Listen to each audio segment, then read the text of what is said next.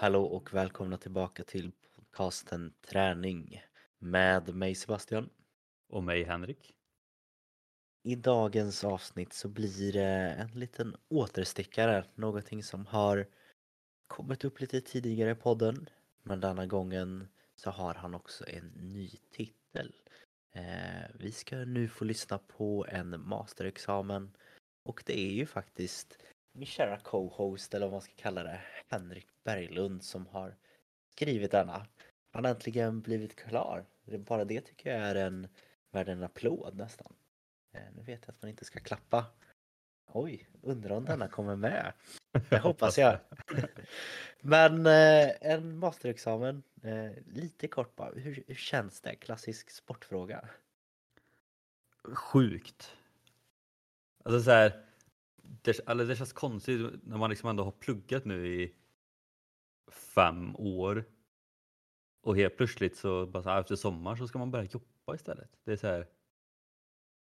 Nej, det, jag vet inte. Det känns som att man kommer slänga sig in i en helt ny, helt ny värld.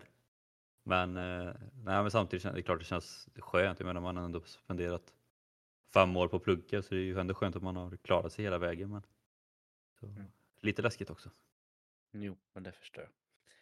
Men eh, vi ska som sagt göra en liten, eh, liten ja, lite djupdykning får man ändå säga. Försöka gå igenom lite den här texten. Eh, och den har väl egentligen då som lite form av ledord eller vad ska man kalla den, nyckelord här så handlar det då om kommunikation, elitfotboll och eh, gruppmiljö.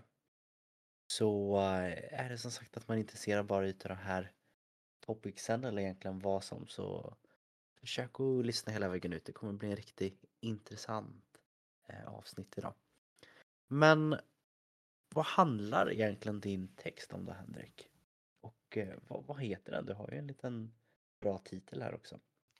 Ja, eh, den heter ju då Psychological Safety in a Swedish Elite Football Academy med underrubriken The Key to Creating a Psychological Safe Environment. Så fint som det heter.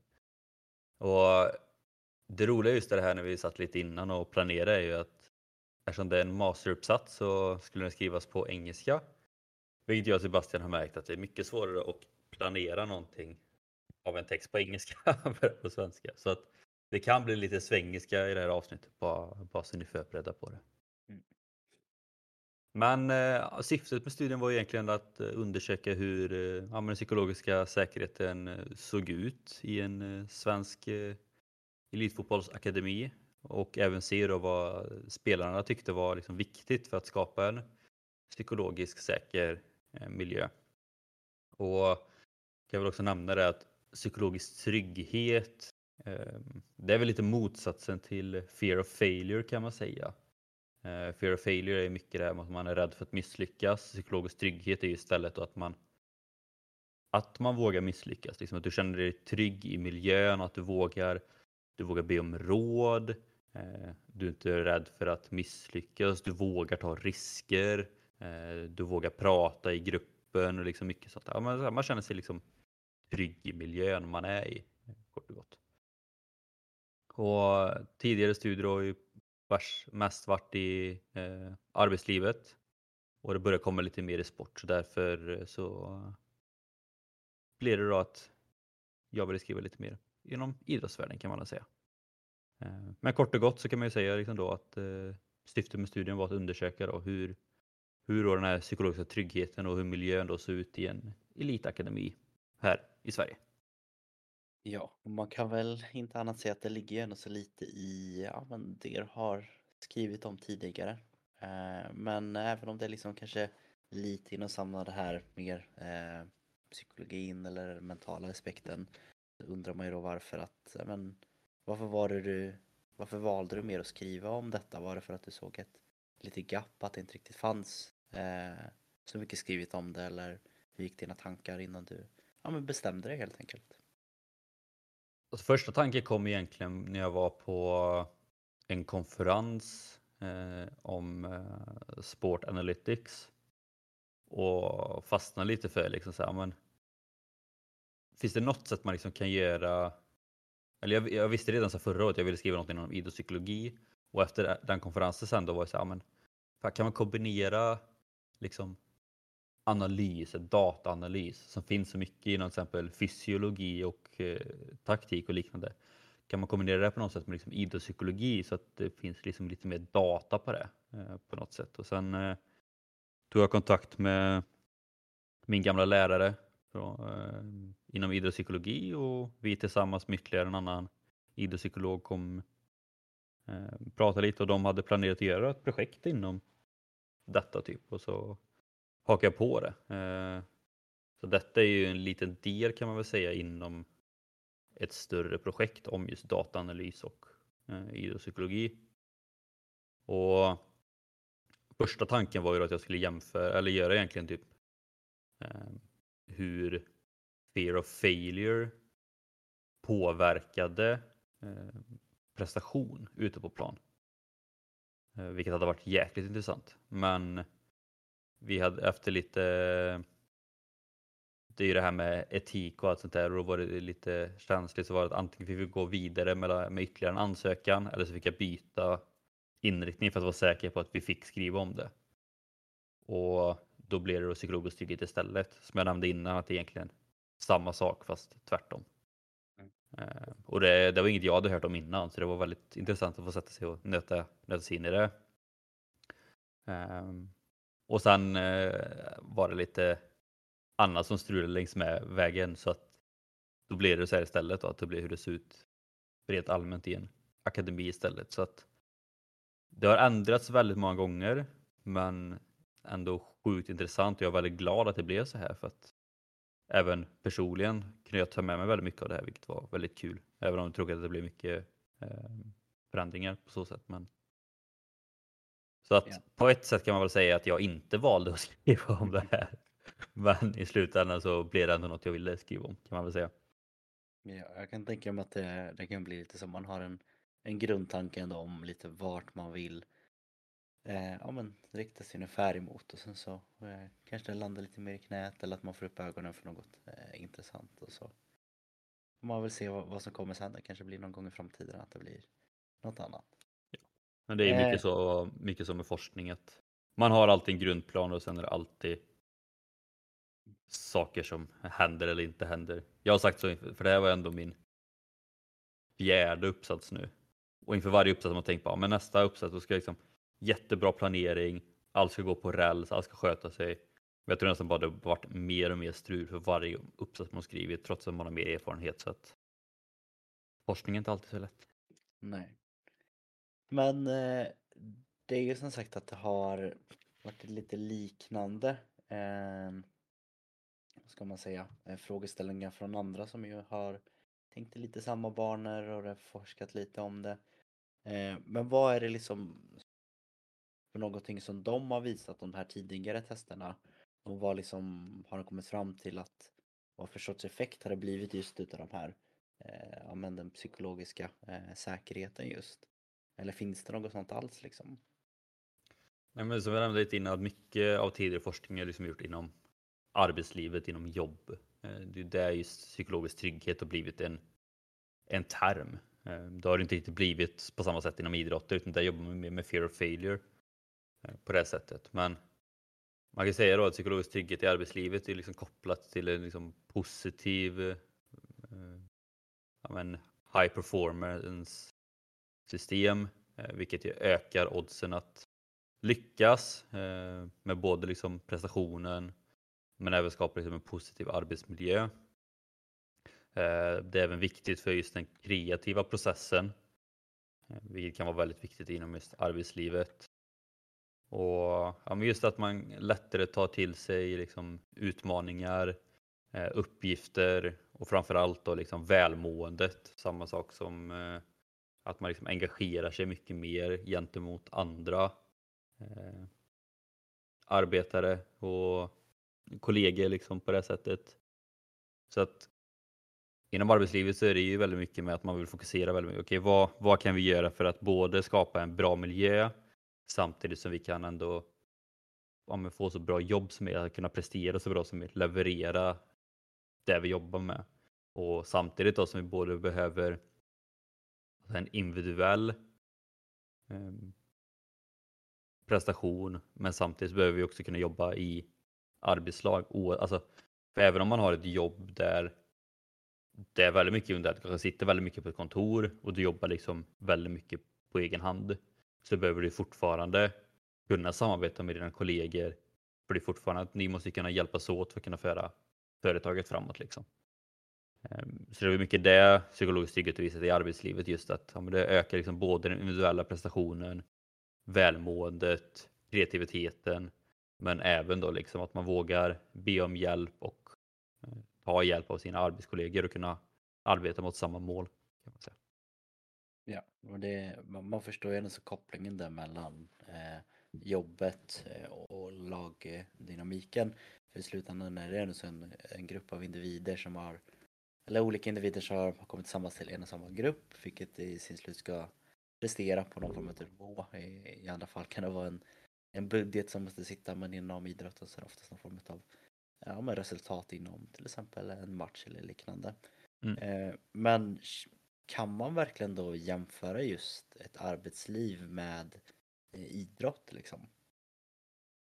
Det är det som är så svårt för så här, på ett sätt ja, utan tvekan och på ett sätt ja. Eh, men tänker man i stort så är det ändå så här att tittar man om jämför ett arbete och en fotbollsförening eller fotbollslag så är det ju liksom ofta att du har ju ofta någon form av eh, högsta höns liksom. Ja, men det är ju en VD eller en chef. På samma sätt som i idrottsvärlden så har du en tränare eller även det så har du ofta en sportchef eller ordförande, liksom någon som ändå högst upp bestämmer. Um, och då kan man också säga liksom då att ja, en tränare i fotbollslag kan ju vara samma sak som en arbetsledare i, inom arbetslivet. Du behöver utvecklas individuellt eh, för att kunna prestera och kunna göra det som krävs av dig. På samma sätt som att din individuella kvalitet kommer ju hjälpa laget att bli bättre. Och även där, du behöver också kunna jobba ihop som ett lag. Sen är det liksom också att i arbetslivet kanske det är lite tydligare att man det behöver du prestera för att kunna tjäna pengar, för att kunna överleva. Eh, även i idrotten så är det ju ofta, ju högre upp man kommer så är det samma sak där, du behöver prestera för att överleva. Men som i det här fallet då, när jag skriver ändå in akademi, där kanske inte resultatet är lika viktigt på samma sätt, utan där är väl mer utvecklingen det viktiga. Så att som sagt, på ett sätt går det att jämföra väldigt tydligt egentligen ett arbetslag eller arbete kontra en förening om man ser det liksom eh, organisationsmässigt. Men tänker man just den här uppsatsen när man jämför med en akademi då, så måste man ändå ha eh, förståelsen för att ja, men, ett jobb de måste verkligen leverera för att tjäna pengar. Liksom. Där är det ju allt, allt som räknas egentligen. Hur mycket pengar kommer in i företaget? Medan då i en akademi är det mer utvecklingen så att det blir ändå en liten fast ändå ganska stor skillnad där i liksom hur man ser på saker och ting kan jag tänka mig. Ja, för det är väl lite det som man kan ställa just som frågeställning här att eh, hur är det just pressen eller liknande som skulle kunna skilja dem? För det blir ändå sådana former av måste när man tänker rent eh, jobbmässigt. Och det är på något sätt lite mer åt det frivilliga, eh, mer rent för, för nöjes skull som, som fotbollen eh, riktar in sig på i alla fall som du nämnde där kanske ännu mer i akademin yngre åldrar. Det är inte liksom att jag måste prestera för att få mat på bordet utan vad tror du att liksom en sån effekt skulle kunna göra skillnad mellan att man måste jobba eller lite mer frivilligt? Alltså jag kan tänka mig att man kanske är mer avslappnad just ju mer frivilligt som det är. Men samtidigt så blir det ändå lite svårt för jag menar du måste ändå Även om det är mer frivilligt inom fotbollen så blir det ändå så här framförallt när det kommer till en akademi, den, så alltså du måste ju prestera för att få spela så mycket som möjligt. Du måste prestera för att kunna komma upp i nästa ålderslag och till slutändan för att kunna kanske få ett A-lagskontrakt. Så att även om det kanske inte är riktigt lika mycket eh, på liv och död, liksom, så att du kommer fortfarande få mat på bordet hemma och allt sånt där, så är det ändå att jag kan ändå tänka mig att även om det är frivilligt och många tycker att det är jävligt kul så tror jag ändå att många kan ändå känna en liknande press just för att sånt där sagt, att få speltid, att kunna hjälpa laget leverera, också kunna komma upp i nästa ålderskull eller kunna få det där a kontraktet så att det är väl inte riktigt samma eh, samma press och sen liknande press skulle jag säga. Så att, ja, det är svårt att säga för det är samma sak egentligen i jobbsammanhang. Många känner att det är jättepress att de måste prestera för att kunna få mat på bordet medan vissa chillar nästan på jobbet tycker det är skitkul att det är frivilligt där också. Liksom. Så att, Mm. jag tror väldigt mycket hänger på vilket jobb och vilket lag man tillhör för att kunna jämföra eh, pressen där. Ja men verkligen och jag tycker ändå så den, den, den tanken är, är intressant i sig. För många kanske just går in med den inställningen att ja men det här är, frivilligt, det här är någonting som, som inte borde finnas någon press och de har inte riktigt kanske kommit upp i de åldrarna så varför borde de känna press? Men för många kan det ju kanske egentligen vara lika viktigt som att få den här eh, löneökningen för någon Mm. som har varit i jobblivet i massor med år kommer liksom väldigt tidigt. För flera av de här eh, lite yngre spelarna för det kan ju inte egentligen vara liksom skillnaden mellan A-lagskontrakt till landslag till proffskontrakt. Och det får de mycket tidigare i åldrarna liksom. Att eh, de får hantera samma form av stressnivå nästan. Fast de inte har riktigt lika mycket livserfarenhet. Mm. Eh, så man kan ju nästan vända det åt andra hållet också, tycker jag. Att det kan ju nästan vara mer press i det här frivilliga scenariot. För det kan leda till så mycket. Och det är kanske inte många som inte är inne i idrottsvärlden som kanske har den, den synen på bara fotboll. Eh, men det, det är liksom för många eh, livsviktigt det som sker liksom i de här åldrarna. Jo, men det är också väldigt många som, alltså hela deras identitet är ju fotbollsspelare. De ska bli fotbollsproffs liksom och lyckas de inte så fallerar ju hela deras värld. Jag, jag kan tänka mig att det var liknande, ganska många som hade samma tankar eh, när du spelade handboll liksom. Att det var liksom att det enda de skulle bli var att bli handbollsspelare och sen gick det inte hela vägen så vet man knappt vem man är längre liksom. Att man, många är ju så här, de har ju det som identitet liksom. Att, ja, men, Mm. ja, men Pelle där borta, men han är ju fotbollsspelare liksom. Ja, men Pelle fotbollsspelare. Så, här, så att om det inte går hela vägen då, liksom, om man inte är fotbollsspelare längre, bara, men vem är man då? Så att det är ju det att många blir väldigt låsta i att hela deras personlighet blir ju deras idrott, vilket kan vara ganska tufft kan jag tänka mig. Mm. Jo, men det, det tror jag med. Men om man tänker just det här, det har ändå så skrivits eh, ja, men lite just eh, effekt just inom själva arbetslivet. Men har det liksom skrivit någon form av effekter inom just ett lag med den här den här synen just på eh, psykologisk eh, säkerhet i ett lag och vad har det liksom visat för, för resultat eller effekter där? Ja, men det är skrivet både om det inom både arbetslivet och lite inom idrotten också. Kollar man på just arbetslivet så är det liksom lite, ja, men lite som vi var inne på tidigare, liksom att en psykologisk trygghet eh, gör ju att eh, arbetarna känner sig trygga med att både be om hjälp och feedback, men liksom också att öppna upp sig om deras eh, misstag, vilket kan vara väldigt tufft för många. Och känner man då det, att man kan öppna upp sig sina misstag, eh, så skapar det en psykologisk eh, trygg miljö. Och ja, en psykologisk trygg miljö är High Performance Work System, som det heter på engelska. Så leder det till en positiv men, socialt utbyte Eh, kan man säga mellan de som jobbar där, vilket minskar konflikterna i gruppdynamiken och det blir då lättare att jobba tillsammans mot samma mål. Eh, och går man så vidare då mot kanske mer mot sporten eh, så var det några, några som skrev liksom lite om att framförallt lagidrott innehåller väldigt mycket sociala aspekter och det kan ibland vara väldigt tuff miljö liksom, och hård miljö eh, som kan leda liksom, till eh, mobbning. Medan istället då eh, respektfullt beteende istället då ökar psykologiska tryggheten i laget. Och det kan ju då öka till en bättre eh, funktionell miljö i laget. Så att det är en ganska fin gräns där inom lagidrott mellan eh, mobbning och en tuff miljö som kan leda till väldigt dålig psykologisk trygghet då, kontra en respektfull miljö där man hjälper varandra. Och de avslutar också med att om laget har en, strong, en stark psykologisk trygghet så kommer det öka eh, inlärningen i laget och därmed hur effektiva de är i sitt sätt att ta in eh, ny information, nya utmaningar och liknande. Och det kommer då också se till att laget vågar anta nya utmaningar, våga eh, utmana sig själva och därmed också då bli bättre och öka deras prestation. Mm. Jag märker det, det är svårt att översätta sin engelska text på en sak gång. Alltså. Jo men det är ju lite, men det, det pratar ju även lite om just den här, självklart är det väldigt mycket just om själva miljön och hur, hur individer och allting uppfattar det. Men, men jag kan tänka mig också att det blir ganska viktigt både inom en form av eh, jobbaspekt att liksom, ja, men det är klart att de mår dåligt men kan de fortfarande göra sitt jobb?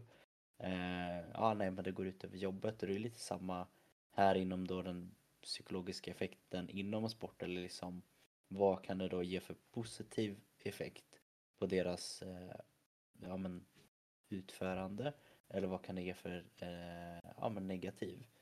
Eh, och här så går de in och pratar lite just om den här eh, mental illness, vad, vad, det kan liksom ge, eller mental hälsa. Eh, vad det kan ha för effekt just på prestationen. Och vad säger de lite kring det ifall det är en miljö som ger att man kan få just eh, ja, men, må dåligt av det under en längre tid. Vad, vad skulle det kunna ge för eh, negativa effekter? Mycket med just mental illness. Det finns ju allt från eh, ja, men ångest och liknande. Men liksom, mycket av det, vi pratade om det på den tidigare, liksom, att till slut så blir det ju att man fyller på en bägare så rinner det över och då kan man hamna liksom, i någon form av depression. Men inom idrotten så är det väldigt mycket liksom, att man, du kan bli mentalt utmattad och det kan antingen vara att du känner liksom att ja, men, det här är inte värt det längre. Liksom. Det, jag, jag, ser ingen, eh, jag ser ingen positiv grej av att fortsätta med det här. Liksom. Så att, varför gör jag det här? Eller så kan man eller känna redan innan liksom att det finns inte ens någon chans att börja. Eller. Jag, jag ser ingen vits med att börja med den här utmaningen eller den här uppgiften. Liksom. Det, och det är då man troligtvis kommer sluta med sin idrott och slutar man med sin idrott samtidigt som man är mentalt utmattad så finns det ju risk att det bara fortsätter i vanliga livet sen också.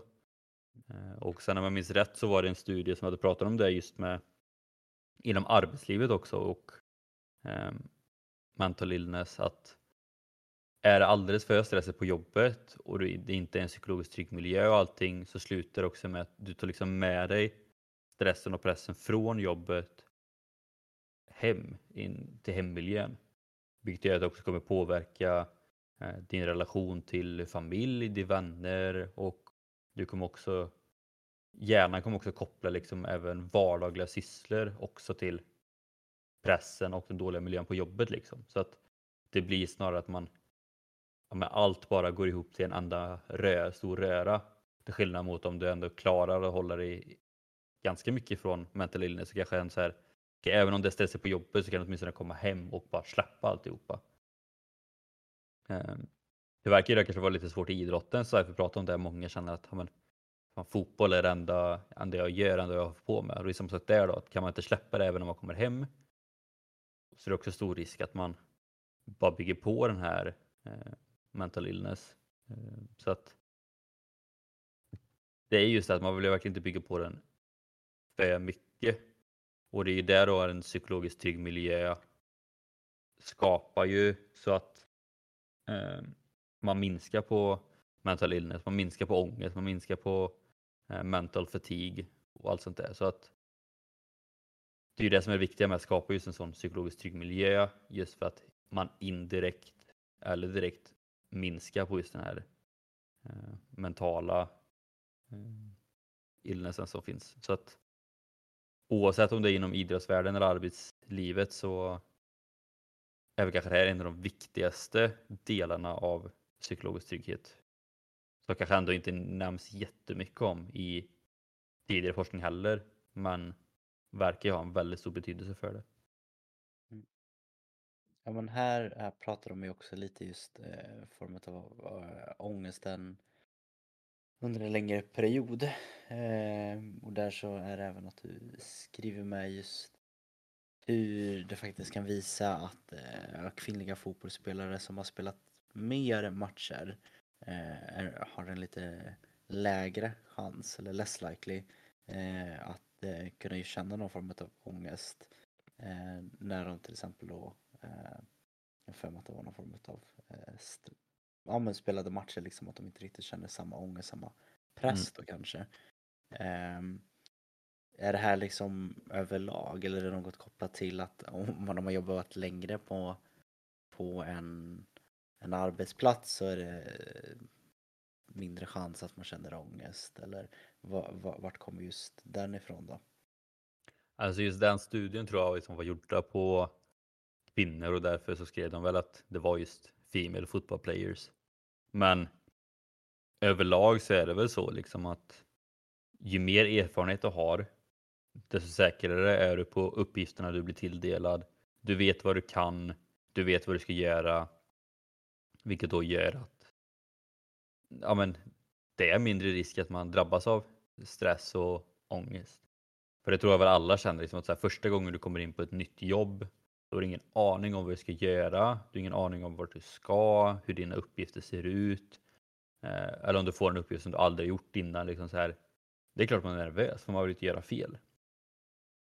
Men jag menar, har du spelat fotboll på elitnivå i tio år?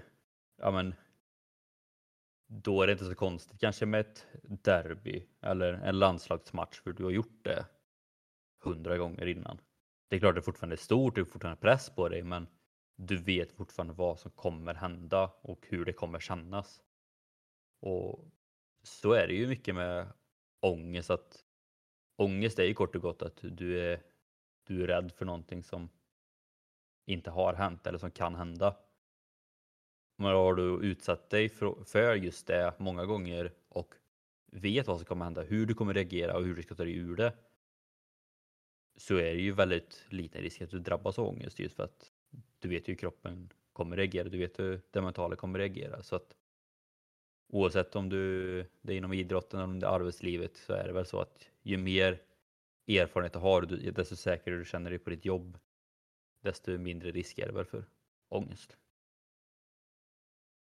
Och det visar ju lite kring den här, eh, vad ska man säga, både liksom eh, effekter utav både lite ångest och även hur, hur det påverkar. Men eh, är det någon skillnad på det som har gjorts tidigare med både effekter och hur vanligt det är med ångest och själv, men säkerhet inom laget eh, mellan könen eller finns det någon sån notering på vad som har skett innan?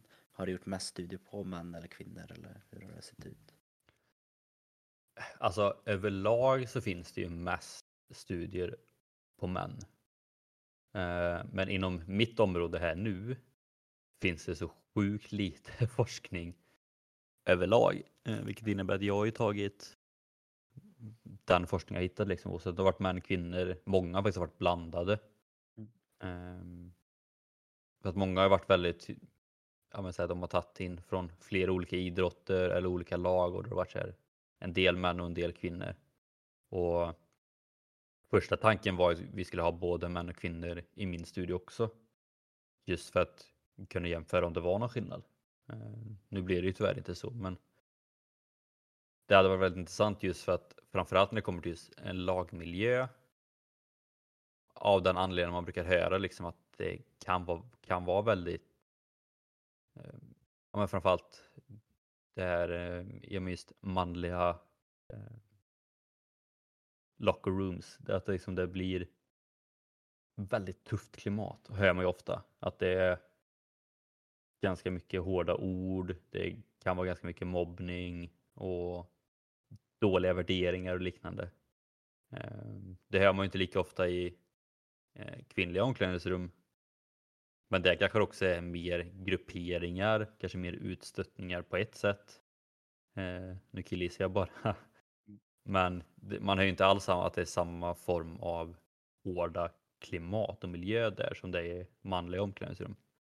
Så att det hade varit intressant att se om det var någon skillnad för att det tror jag definitivt att det kan vara. Utifrån tidigare vad man har hört. Sen hoppas jag ändå att vi i Sverige har kommit ganska långt med att prata om just det här och det finns ju de locker room talk. Eh, sen de kom tror jag också att det har blivit väldigt mycket bättre.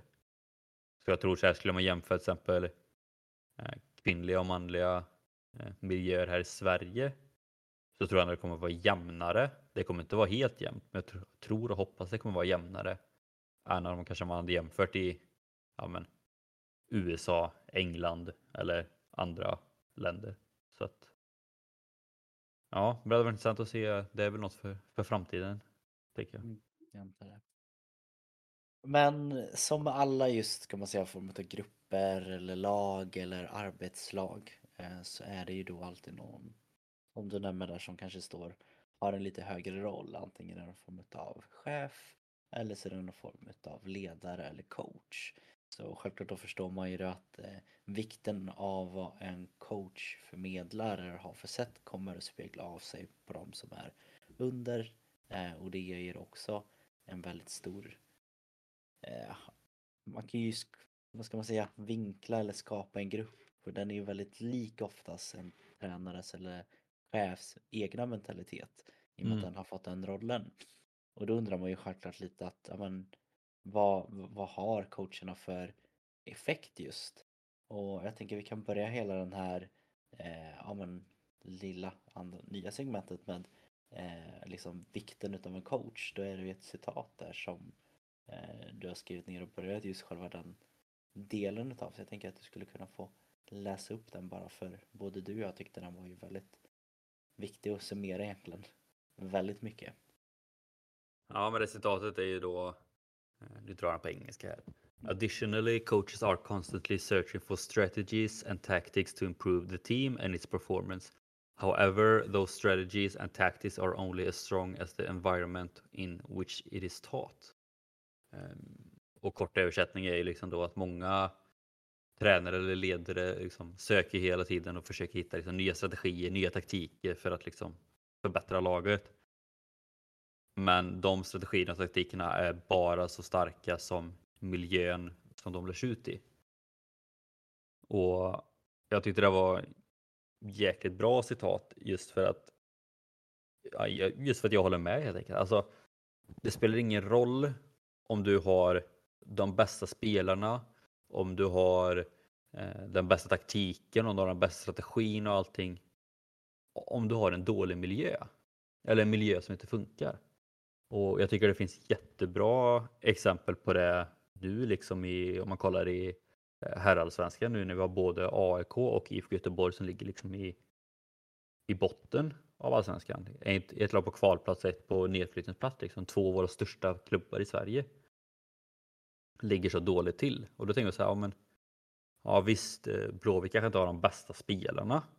Eh, men AIK ska ju ha en jäkligt bra trupp och allting. Men där är det också väldigt tydligt liksom att ja, men, miljön ovanifrån funkar liksom inte. Alltså på styrelsenivå och liknande. Funkar inte den så kommer inte det funka på tränarnivå. Funkar inte på tränarnivå kommer det inte funka på spelarnivå heller. Liksom. Det fortsätter. Så att du skulle kom- kunna komma med de bästa spelarna, du kan ha den bästa taktiken och allting.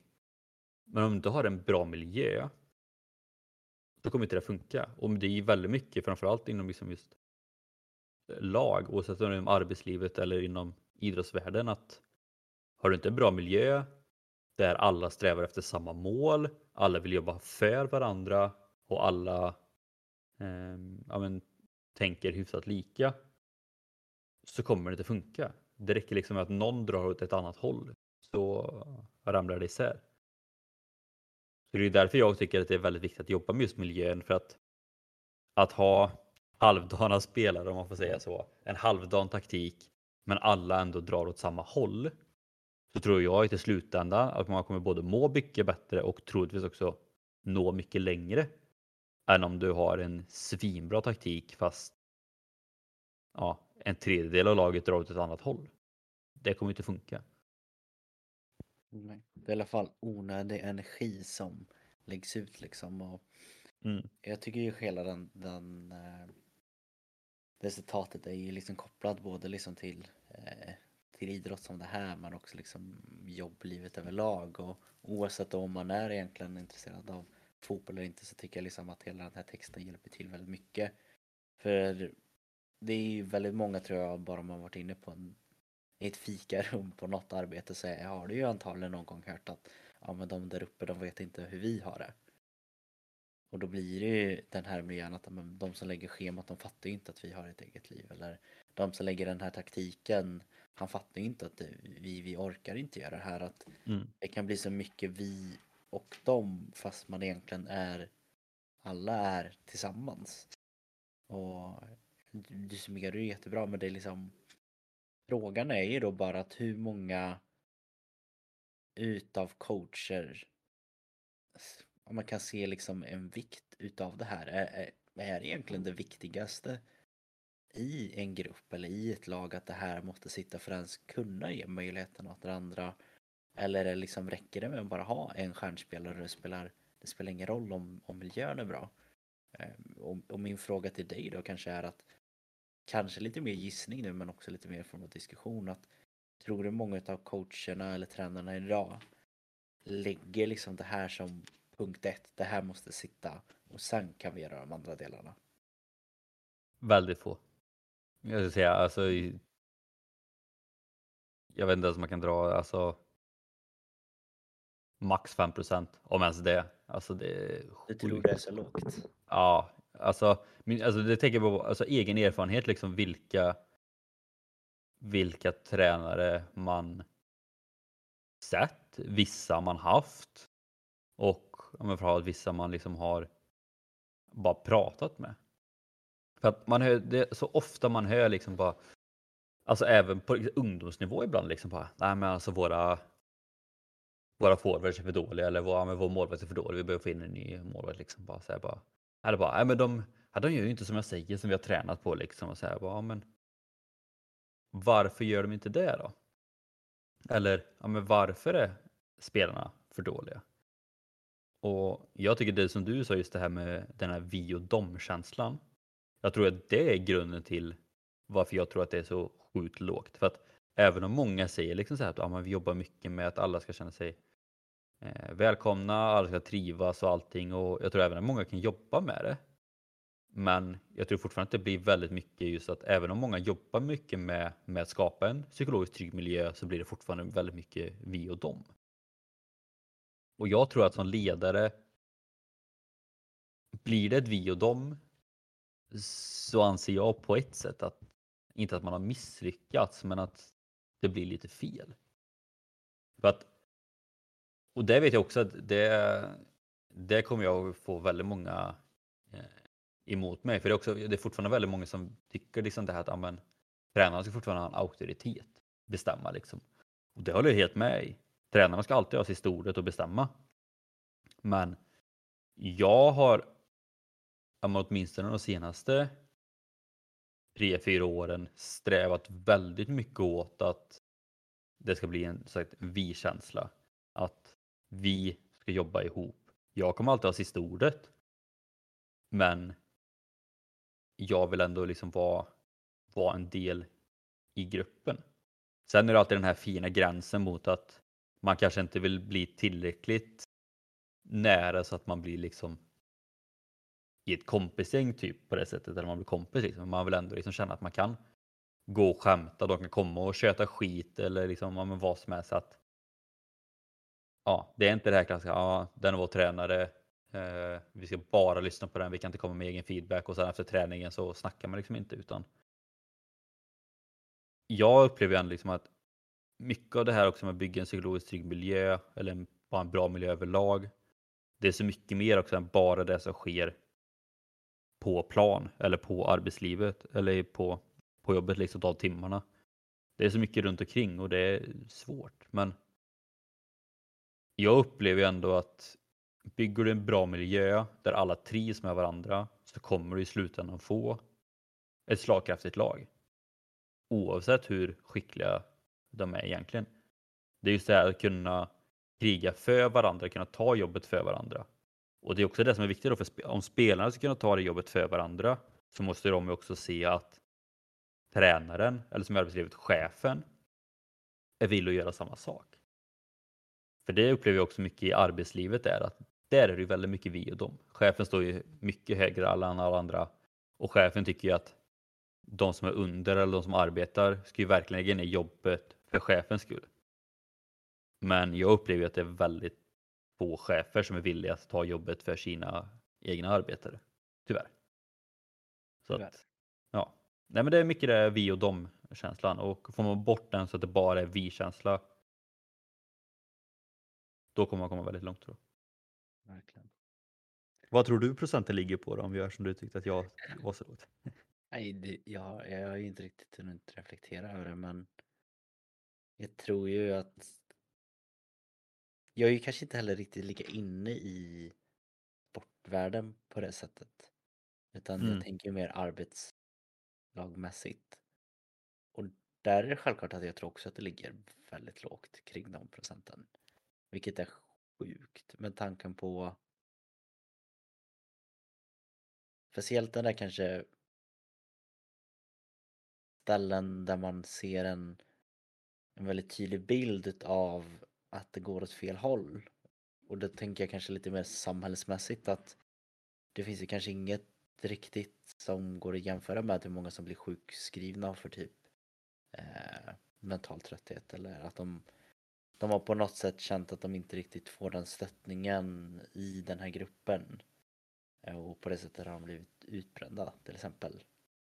Eh, Och i fotboll kan det ju vara annat, att det kanske inte är att de presterar på samma sätt men det är ju liksom samma grundproblem egentligen. Att på Mm. något sätt får individen inte den stöttningen som den behöver. Och sen är det självklart, man kan kanske inte alltid anpassa tillräckligt mycket tyvärr, för, för resurser finns inte. Men det borde vara där väldigt mycket fokus ligger. Självklart ska man ha en plan om hur gruppen ska ha mål och ta sig åt rätt håll oavsett om det är idrott eller inte att vi ska vinna serier eller vi ska göra det här och så här ska vi göra det. Men i slutändan så är det inte chefen eller coachen som ska ut på plan och spela och göra att de kommer dit utan det är ju spelarna, arbetarna. Eh, så jag, jag tror att det är ett grundproblem liksom. Mm. Det är det ju. Ja, men det är också det som är viktigt, liksom sagt att i slutändan så är det ju sagt det är spelarna, det är arbetarna som ska göra själva jobbet. Så är det ju. Och det är också därför det är viktigt då den här vi och dom-känslan också funkar tvärtom. Jag menar om coachen har gjort allt den kan för att skapa den här vi-känslan och skapat en bra miljö. Eh, om inte spelarna är villiga till att tycka samma sak och de fortfarande tycker att det är vi och dem. Ja, och då kanske det fallerar ändå. Men då ligger det ju på spelarna. Då är ju tränaren eller chefen ändå gjort allt de kan. Så att även om mycket kraft kanske jag tror att må- många chefer och eh, tränare kan göra det mycket bättre. Då har vi också lyfta liksom det att många gör det ju jävligt bra och gör allt de kan fast de ändå inte får med sig spelarna eller spelarna vill dra åt ett annat håll. Och då, är det så här, då kan man inte göra mer heller. Så att det finns ju fortfarande de ledare och chefer som gör verkligen allt de kan för att skapa så bra möjligheter som möjligt. Ja, verkligen. Men det har varit mycket just kring om vad, vad som har gjorts, eh, vad, vad du, hur du fick, fick det mer i knät eller vad det blev att du gjorde den här grejen. Men om vi går in kanske lite, ja men nudda lite i alla fall, lite form av vad för sorts metod du valde för att nu samla in den här datan på någonting som du ansåg att ja men det här, det här är bra att kunna forska lite om. Eh, hur, vad, liksom, vad valde du för metod att ta in den här ja, men datan på hur folk upplever just känslan i gruppen? Eh, vilka och vilka deltagare var det du tog med? Eh, och egentligen bara prata lite kring just om själva processen också. Nej men sagt, först då, när det var plan A med hela det här projektet och allting då jag skulle inte ha jättemycket med själva datainsamlingen att göra utan jag skulle mer analysera sen. Eh, men sen när det blev som det blev så fick jag ju börja jaga eh, egna deltagare. Och till slut fick jag tag i då en, eh, en akademi som ställde upp. Och jag hörde av mig till ett par men jag fick tag i en och då blev det så här, just med tiden som det var väldigt stressigt så då blev det så här, ja men då, då får jag köra på den eh, akademin då och så får det bli som det blir. Och då fick jag tag i 45 spelare fördelat på tre lag eh, som var U16, U17 och U19.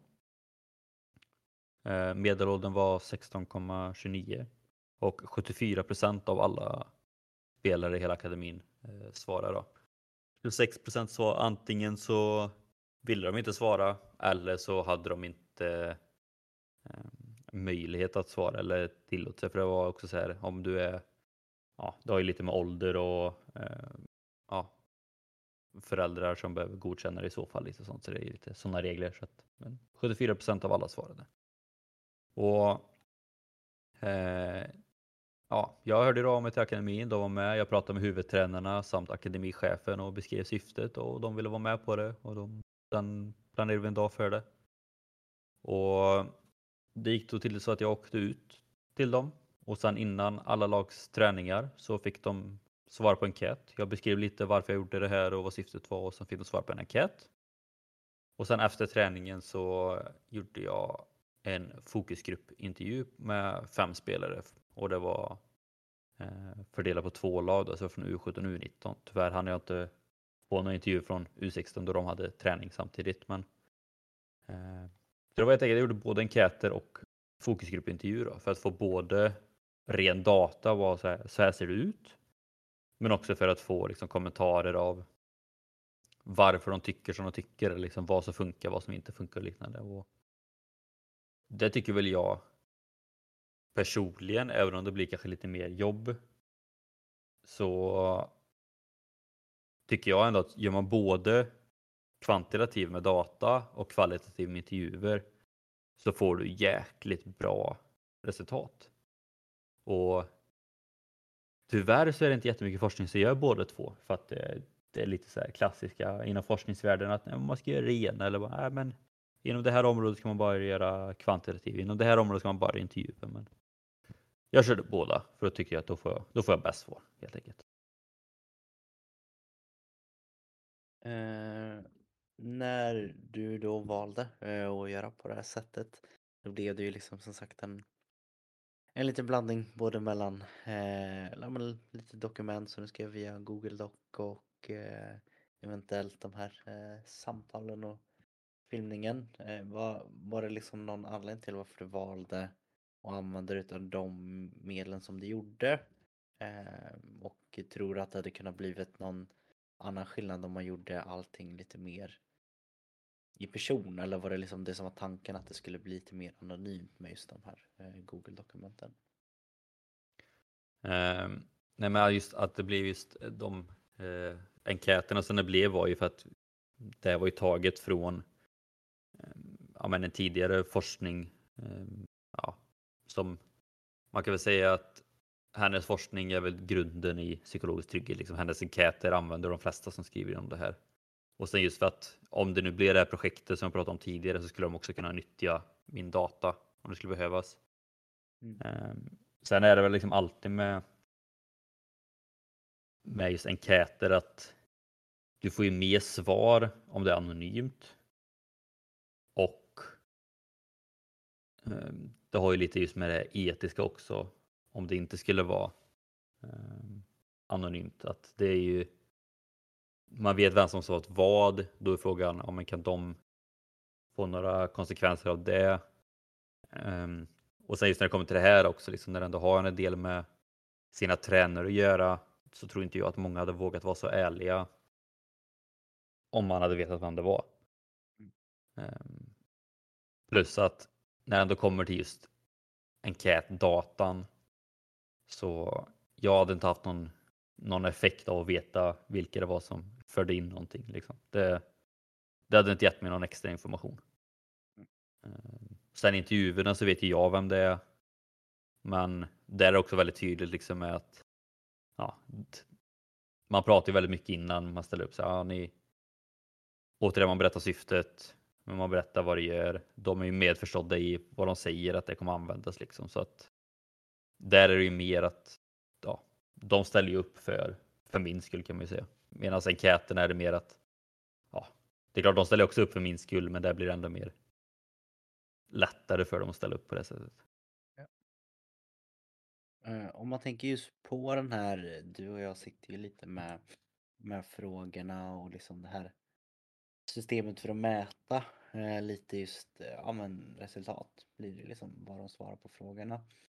Skulle du kunna gå in lite kort kanske på vissa former av frågor, kanske bara läsa upp kanske en, två styckna och sen även liksom förklara lite hur de här siffrorna, vad det går till liksom och hur, hur man faktiskt mäter det då. Jo, men jag har ju då delat upp dem i, för det är sju frågor och tre av dem är negativt laddade. Eh, ja, men till exempel um, People in this team sometimes reject others for being different. Alltså att i det här laget så kan vissa um, ja, men, mota bort andra för att de är annorlunda. Den är negativt laddad och alltså vill man ju att det ska vara så, så lågt nummer desto bättre. Och här kan de då svara från 1 till 5. Så att ju lägre desto bättre och betyder det att de inte stöter bort andra. Sen har jag fyra frågor som är positivt laddade då, till exempel uh, It feels safe to take risks in this team. Uh, alltså att ja, men jag känner mig, det känns säkert att uh, ta risker i det här laget. Och det är ju positivt laddat, alltså vill man ha så högt nummer som möjligt. Skulle det vara fem på den, då, men då, då är det ju perfekt liksom. Det är precis som man vill ha det. Um, och det var väldigt svårt för att jag försökte ju göra om dem så att alla skulle vara antingen negativt eller positiva. Men vi hade redan gjort om frågorna för att det skulle passa mer i en fotbollskontext och skulle man då göra om det ännu mer för att de skulle vara på samma nivå, då känns det som att man kommer ifrån huvudfrågan lite för mycket. Mm. Ehm, så därför blev det att ja, men hälften blev negativt laddade och hälften blev positivt laddade. Mm. Fanns det någon uh, tanke bakom liksom ordningen som du la på de här negativa och positiva tankarna? Nej, det var den ordningen som jag fick eller som, som var från huv, som från original enkäten 99 liksom. Så att hon gjorde så och då blir det väl att alla andra eh, följer på samma sätt liksom. Eh, Sen kan väl jag också bara nämna att när jag gör mycket sån här kvantitativ forskning, jag är väldigt mycket för att alla som läser ska kunna lätt förstå. Jag tycker att mycket sån här, när de mycket data, det är helt omöjligt för gemene man eller så här om eh, Agda 55 skulle och läsa, skulle aldrig förstå det.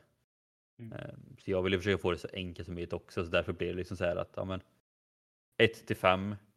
Eh, negativt laddade, ju lägre desto bättre. Positivt laddade, ju högre desto bättre. Liksom. Det ska liksom vara kort, simpelt, enkelt att förstå.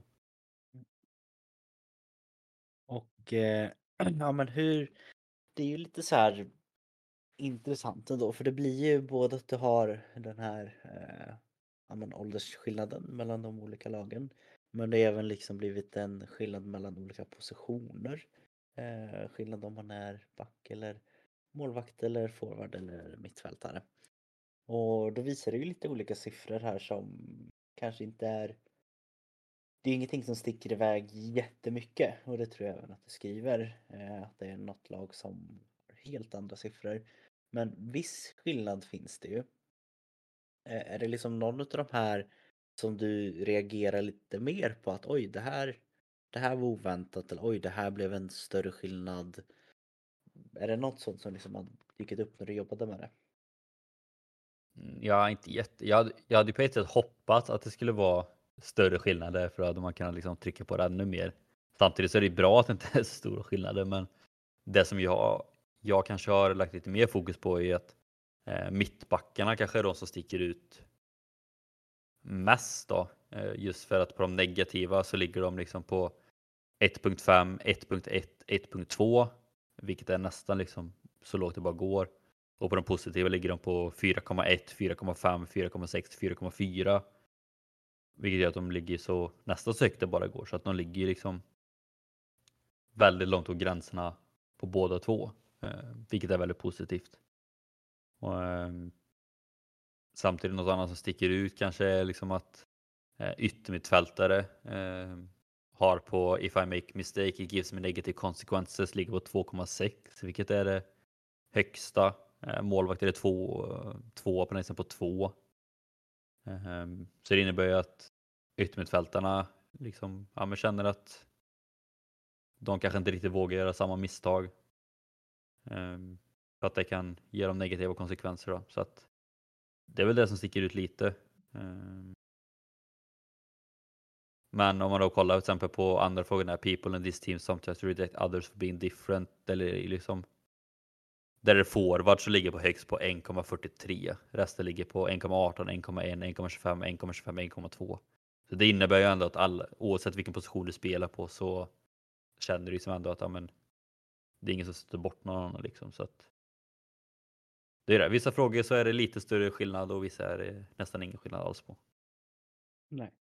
Det, och det är väl ändå så lite just den här, jag, jag tror man är man inne lite i, i fotbollen, nu är inte jag, jag alls det, men jag kanske gick in med lite chansning eller kanske bara trodde att ja, men det kommer nog att vara på flera av de frågorna som mitt mittbackarna ligger ganska bra för man brukar oftast kunna se dem som någon form av ledarroll på dem ibland. De, styr ju väldigt mycket i alla fall i, i bak och det brukar ju ofta vara bak och fram liksom och det kan vara det är den där bilden jag har i alla fall utav mittbackar mm. och det, det visar ju med lite. Eh, och sen så kanske jag gick in med och trodde att målvakten skulle ligga lite högre i form av press då det är en så pass utsatt roll. Eh, men det, det visar ju inte allt för högt. Självklart lite högre är det ju ifall man jämför ja, men mis, ja, misstagen där mellan ja, men, eh, en forward eller målvakt men fortfarande även en mittback borde ju också ha rätt så mycket press på sig att gör de fel då, då är det liksom sista, sista försvaret där borta liksom. Men jag, jag trodde faktiskt också liksom det att både mittbackar och målvakter skulle visa eh, ja, men, sämre siffror om man får säga så. Ja, mm. precis just som du säger att om en mittback gör ett felpass kan det bli friläge. Om en målvakt gör ett, gör ett misstag kan det bli mål. Liksom. Eh, så det är bara ett, sätt, ett bevis på att i den här föreningen jobbar de ganska bra då, med att skapa den här tryggheten. Men jag tror jag skulle väl också göra den gissningen som du också säger det att många av de här mittbackarna kanske är de här ledarfigurerna, vissa av dem kanske även är kaptener. Mm. Vilket också gör att man kanske man måste vara trygg och modig och känna sig liksom säker på det sättet. Så att det är ju det som är intressant och lite tråkigt just att jag bara hade en akademi då för att det blir väldigt få personer på samma eh, det är samma sak på yttermittfältare och det är fem yttermittfältare vilket innebär att om en av de fem eh, känner att det är väldigt stora konsekvenser om de gör ett misstag då ökar ju det siffran ganska mycket på alla yttermittfältare också eftersom de är så få. Det är skillnad om man hade haft 20 stycken eller 50 stycken liksom. Så att det är också därför det är svårt att göra en bedömning eh, eftersom det är så få spelare på varje position. Mm, sant.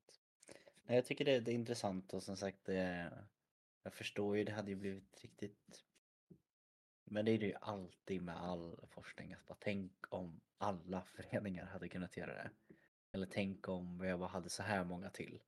Och man får inte så mycket mer data. Men eh, det tycker jag ändå ger eh, en ganska så tydlig bild av att men, det, det här kan man göra. Man kan ha det som ett väldigt stort hjälpmedel som du säger framtida forskning. Att varje lag borde ju faktiskt få sina spelare att göra det här tycker jag. Eller jag ser liksom ingen mm. anledning till att inte göra det.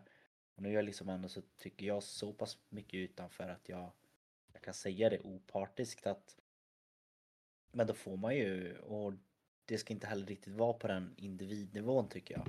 Att, för om du som tränare hade fått de här siffrorna och då får du till dig att oj, av någon anledning så når inte jag riktigt fram till den här gruppen.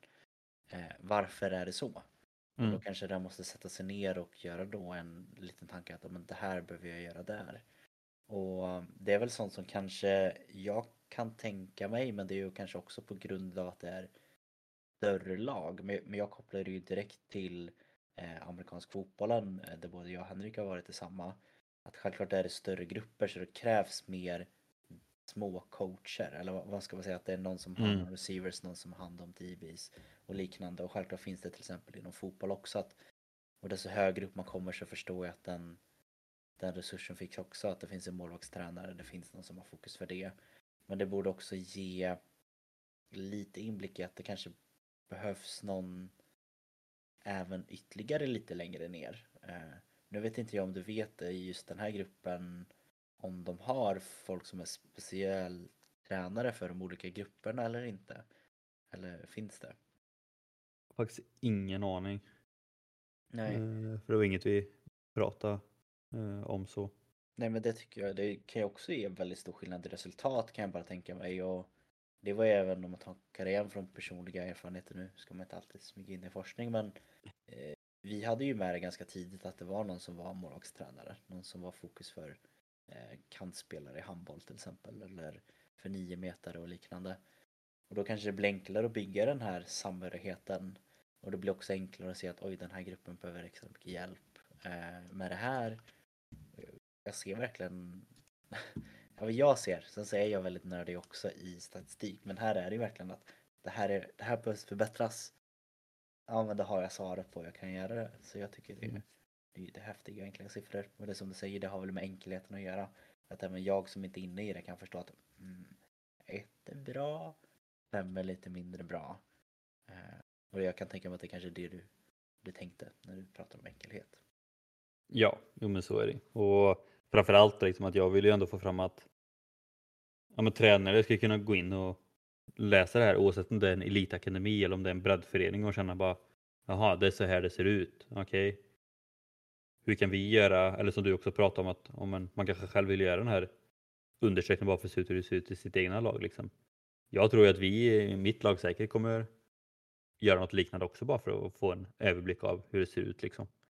Eh, men då vill man ju också att de ska kunna liksom lätt kunna gå in. Okay, de har gjort så här, då kan vi liksom kopiera det här, göra samma sak och sen jämföra det.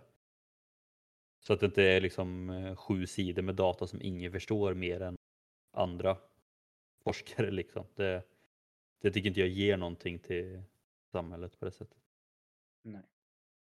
Sant. Men om, om vi går ifrån lite datan som sagt eh, och rör oss in lite till, lite kort kanske bara snudda kring lite de här mer personliga intervjuerna där de både pratar då om, eh, får i alla fall jag synen som liksom inte vet någonting om vilka det är och eh, liksom bara läser vad det står känns det ändå som att de har dels fått ett väldigt stort förtroende för sina ledare men också att de är väldigt eh, tacksamma över många grejer med samhörighet.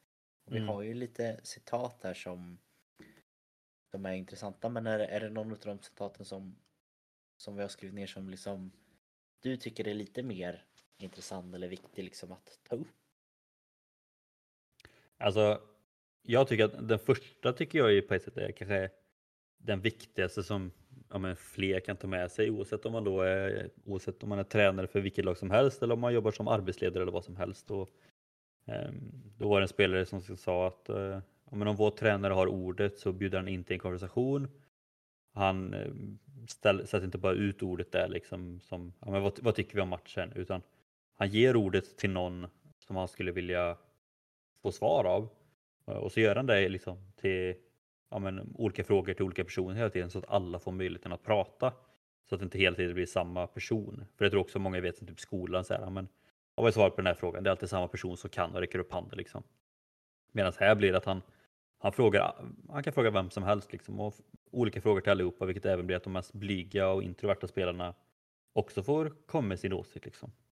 Eh, så den tycker jag kan vara viktig att lyfta just för att var inte rädda för att ge ordet till folk heller och ju tidigare ni gör det och ju oftare ni gör det desto lättare kommer det också vara för dem att svara. Eh, och sen tycker jag väl det andra citatet där kanske också är väldigt viktig med tanke på att det också är en akademi liksom en ganska, ja men de har också lite krav på sig liksom. Men, och då sa de att eh, vår coach eller vår tränare pratar ofta om att så länge vi gör som vi har tränat och så länge vi liksom följer vår gameplan men ändå gör ett misstag när du försöker göra vad vi har tränat på liksom, då har du inte gjort något fel. Och det tycker jag också är väldigt viktigt, framförallt när det kommer till en utvecklingsmiljö just det här, för att det kan, vara, det kan vara väldigt många tränare som du slår ett dåligt pass, du missar ett friläge eller vad som helst liksom, och så är det bara så är det suck och man blir besviken, du kanske byter ut dem för att du tycker de är för dåliga. Men egentligen så har de gjort exakt allting som ni har sagt. Det är ni har tränat på. De har hittat rätt yta, rätt löpning, eh, rätt mottagning. Liksom. Allt är rätt, men i slutändan kanske det ändå är en liten miss som gör det. Men du gör ändå grunderna rätt. Hur mycket fel gör du då egentligen? Liksom? Ja, det blir väldigt svart på vitt där när man, om man ställer sig sådana frågor. Jag tänker det här borde ju många ställa sig liknande frågor egentligen allting. Att det här är Mm. bra, det här är bra, det här är bra. Men den där grejen var, det spelar ingen roll i helheten liksom. Mm. Eh, Och det är ändå så kul att det kommer från spelarna själva tycker jag. Eh, Ja, ja, Det är, verkligen. inte, det är inte någon som bara sagt att säg det här nu, det här är bra. Eller någon, någon ledare som faktiskt också kanske har nästan förprogrammerat sig att jo men vi har en öppen miljö, vi, det är högt i tak, alla får säga vad de vill. Och sen ser det något helt annat bakom, liksom stängda dörrar. Det tror inte jag det är om, om den här klubben och akademin kanske. Men eh, det är så kul att det kommer från spelarna. Ja, och det, det är återigen, det är ju det jag tycker är så kul om intervjuer. För sagt, enkäterna visar ju bara så här, bara, ja, snittet låg på 1,25 på den här frågan. Ja. Men vad är det som gör då att siffrorna är så låga? Eller vad, vad är det som gör att siffrorna är så bra? Liksom? Det, är så här, det säger ju inte det, utan det är bara, ja, det är antingen bra eller dåligt. Men vad är det som gör att det är bra? Och här kommer det liksom då bara att ja, men, alla får prata. Bara, ja, även om vi misslyckas så gör vi ändå inte fel för att vi följer det vi har sagt. Liksom. Ja, men, då får du också svar på, okej, okay, ja, men siffrorna är bra och vi får också svar på varför det är bra. Liksom. Det, det blir mycket bättre tycker jag. Ja. Eh, om man går ifrån det som är så liksom härliga citat, om man rör sig in lite mer just mot själva klubben som du också har skrivit. Eh, liksom en summering utav vad de här svaren ger. Vad, vad, liksom, vad kom vi fram till att med, med klubben där då? Men det var också det här, tio spelare i enkäterna tyckte att liksom klubbens policy eh, hade liksom bra värderingar och följdes upp. 18 eh, spelare ville liksom eh, lyfta upp olika arbeten som klubben gör. Det kan liksom vara allt från egna föreläsningar till att de plockar in idrottspsykologer till att de plockar in ja, experter inom andra områden. De kunde få hjälp att skriva CV. Eller så här mycket, ja, liksom att klubben liksom också kommer in och hjälper dem med saker och ting. Ehm, sen det som jag kanske tyckte var mest intressant på ett sätt i själva intervjuerna var att eh, av de spelarna intervjuade så höll alla med om att eh, nästan typ det bästa med klubben var att, eh, var att alla sa hej till varandra i klubbstugan. Liksom allt från A-lagsspelarna säger hej till akademispelarna, tränarna säger hej, även liksom så här fysioterapeuter som kommer till A-laget hälsar på spelarna. Liksom så här. Ja, men det skapar liksom en gemenskap i själva klubbstugan. Liksom, att ja, men det blir familjärt, alla känner sig välkomna. Det blir inte det här, återigen då, vi och dem, utan alla spelade för samma klubb, vilket gjorde att man hälsade på varandra. Liksom. Det, var, det var så det var i den stugan. Och jag tycker det var intressant just för att det känns som en så simpel sak. Liksom. Bara så här, bara, ja, men alla hälsar på varandra. Liksom. Men det var lite som vi pratade om eh, lite kort innan. Jag tror det är samma sak. Hade, har man gjort så i skolan, liksom, att om alla hälsar, bara hälsar på varandra i skolan så hade vi säkert haft mycket mindre mobbning också. Så att ett litet hej gör nog mer än vad man tror. Ja, hade alla bara hälsat på varandra på jobbet eller? Ja. Man kan ju dra den långsamt men den, den, är, den är viktig, det är en liten grej. Men den sticker ut på något sätt. På något sätt. Och det, Mm. Den är så härligt. Eh, men som sagt, eh, summering om klubben. Om man tänker då en liten summering utav allting.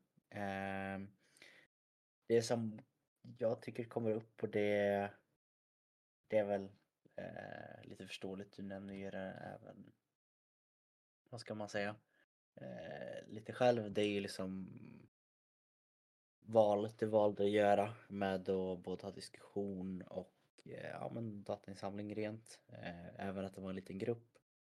Eh, det är lite att prata om just om och försöka knyta ihop säcken här men om vi tar summeringen, du, det är ju du som har sammanfattat texten så vad säger du själv är summeringen av allting om vi börjar där då? Nej, men ska man sum summera liksom resultatet av så är det ju att den här akademin visar ju faktiskt en hög nivå av psykologisk trygghet. De visar väldigt bra siffror. Ehm, um, sen det är ju ingen större skillnad mellan lagen som vi också jämförde. Det är ingen större skillnad mellan positionerna heller. Kanske att mittbackarna då som vi nämnde Eh, visar en liten, liten högre nivå av psykologisk trygghet. Och sen då om man går in lite mer på eh, intervjuerna och coachens roll så kan man ju säga att kommunikation var väl ganska överlägset det viktigaste för spelarna. Eh, både inom intervjuerna och enkäterna. Jag tror det var 30 av 45 i enkäterna som också svarade att kommunikationen var liksom det absolut bästa. Och även då liksom att den närheten i klubbstugan mellan lagen och tränaren och allting liksom också skapade en psykologisk eh, trygg miljö. Så att kommunikation och hej kan man väl säga är viktiga för att skapa en psykologisk trygg miljö i den här akademin. Mm. Ja, man tänker, jag tänker den kanske kan komma med eh, både lite i någon form av, eh, ja men, vad ska man säga, vad heter det på svenska, begränsningar. Men även någonting som kanske kopplas ganska naturligt till eventuellt vad, vad, skulle vara kul att göra nästa steg. Det är ju som jag nämnde där att man önskar alltid att man kunde få med alla inom ett område och svara på det. Och det är väl kanske det som även här skulle kunna, kunna vara någon form av begränsningen att det, det är en lite mindre eh, studie på just eh, en akademi och eh, det hade varit intressant liksom att få med fler akademier. Eh, men eh, vad tänker du då skulle kunna vara liksom nästa steg och om du skulle spekulera lite, vad, vad tror du skulle kunna vad skulle man kunna få ut av och kanske införa det här att varje akademi i Sverige ska, ska ha de här frågeställningarna till alla som börjar? Nej, men jag har skrivit det alltså på ett sätt bara att alla stu nya studier som kommer om psykologisk trygghet och idrott är bra och det behövs liksom. Eh, för att även om det finns en del inom arbetslivet och även om de har några likheter så finns det fortfarande olikheter. Så det, kan, det är bättre om det kommer mer inom idrott. Um, sen hade jag ju velat på ett sätt kanske göra en längre studie om man säger att om man just för att om man säger att börja följer dem över tre år. Just för att kunna jämföra hur mycket den psykologiska tryggheten påverkar vilka spelare som tar kliv från U16 till U17, U17 till U19, U19 till A-laget. Är det bara de med stark psykologisk trygghet som tar nästa kliv eller spelar inte det någon roll? Liksom? Det hade varit väldigt intressant. Eh, och sen så hade det varit sjukt intressant med det som var första tanken, just det här med ja, vilken typ av prestation blir bättre av psykologisk trygghet? Ja, men, blir du bättre på att dribbla? Blir du bättre på att sikta? Liksom, blir du bättre på att tacklas? Blir du bättre på att kommunicera? Vad, vad blir egentligen bättre av en psykologisk trygghet? För det är väl det som saknas väldigt mycket.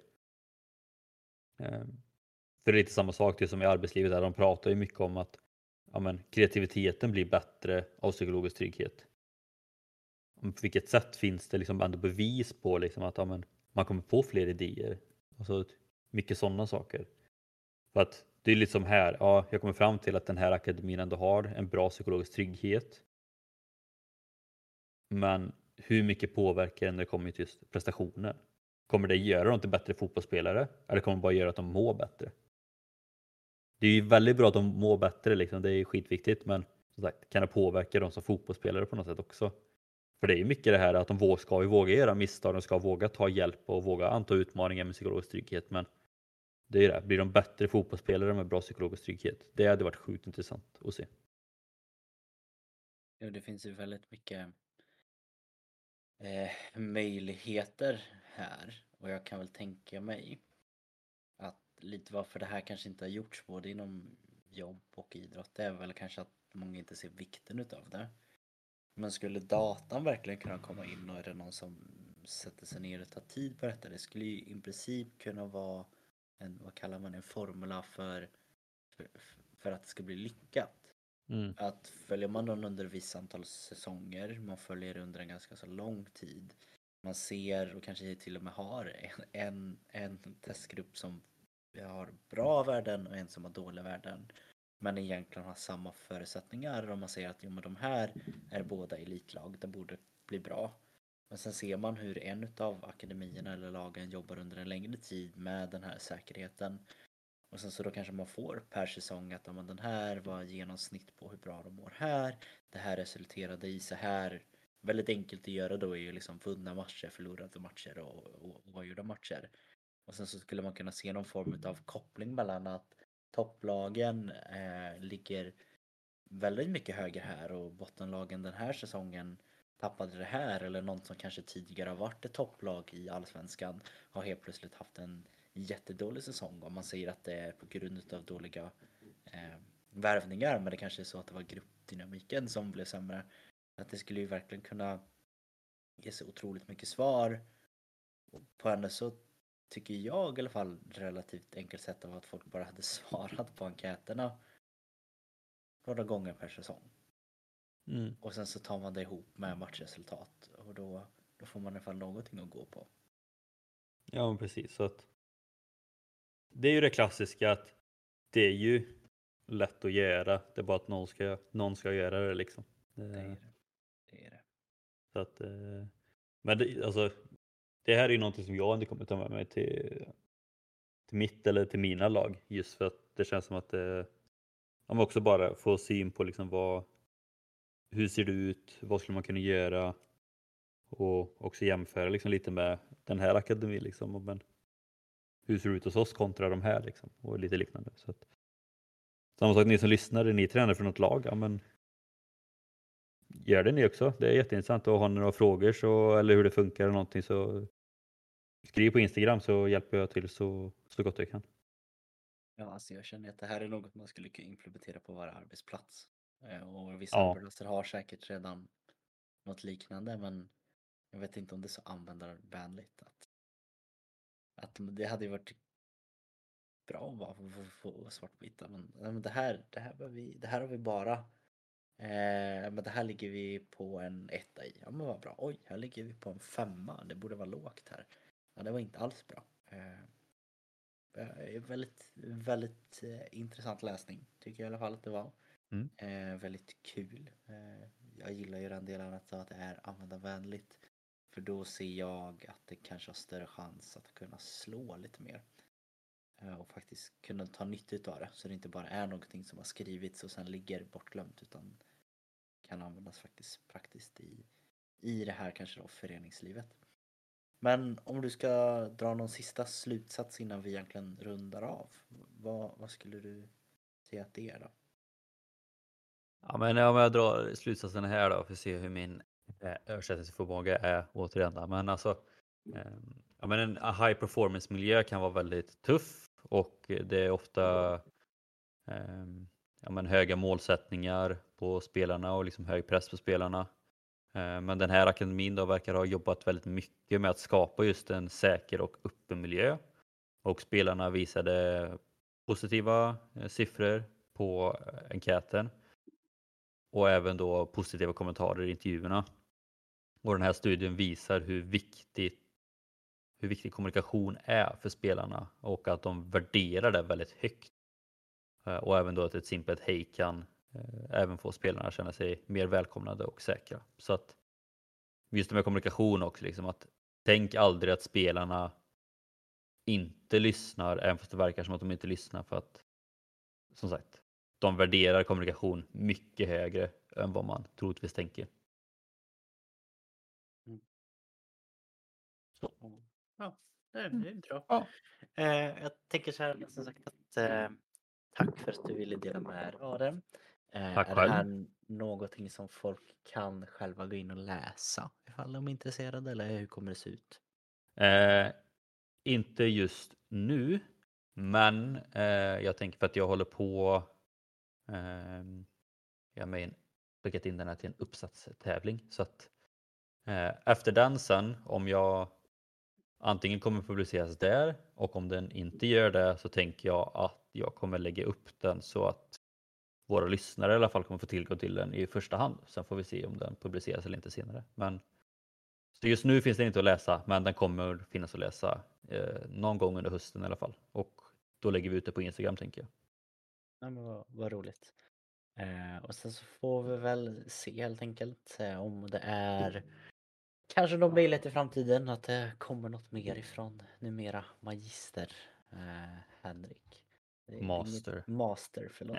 Eh, Master Henrik. Det, det är magister slå, det är ju lite enklare, lätt, rullar lättare i mun. Ja, Men, men eh, det var för ett år sedan. Ja, vi får ju hitta någonting som passar här, vad, vad du får kalla sig framöver. Men eh, är det så att du som lyssnar gillar det här formet av content så får du jättegärna kanske till och med skriva till oss på Instagram att traningpodcast att du gillar de här lite mer djupdykningarna och då kan det bli så att vi kanske båda har någon åtanke som vi, ska försöka att ta med här igen på ett litet återbesök. Kan vara en liten hint. Men sen kanske det är ytterligare att du som lyssnar känner någon som har även skrivit eller gjort något intressant inom den här området. Då hade det varit jättekul att även ta med det då. Mm. Men, men annars tänker jag att det är som vanligt att vi tackar just eh, dig för att du har lyssnat. Eh, och eh, vi hörs nästa vecka helt enkelt. Det gör vi. Ha det gott.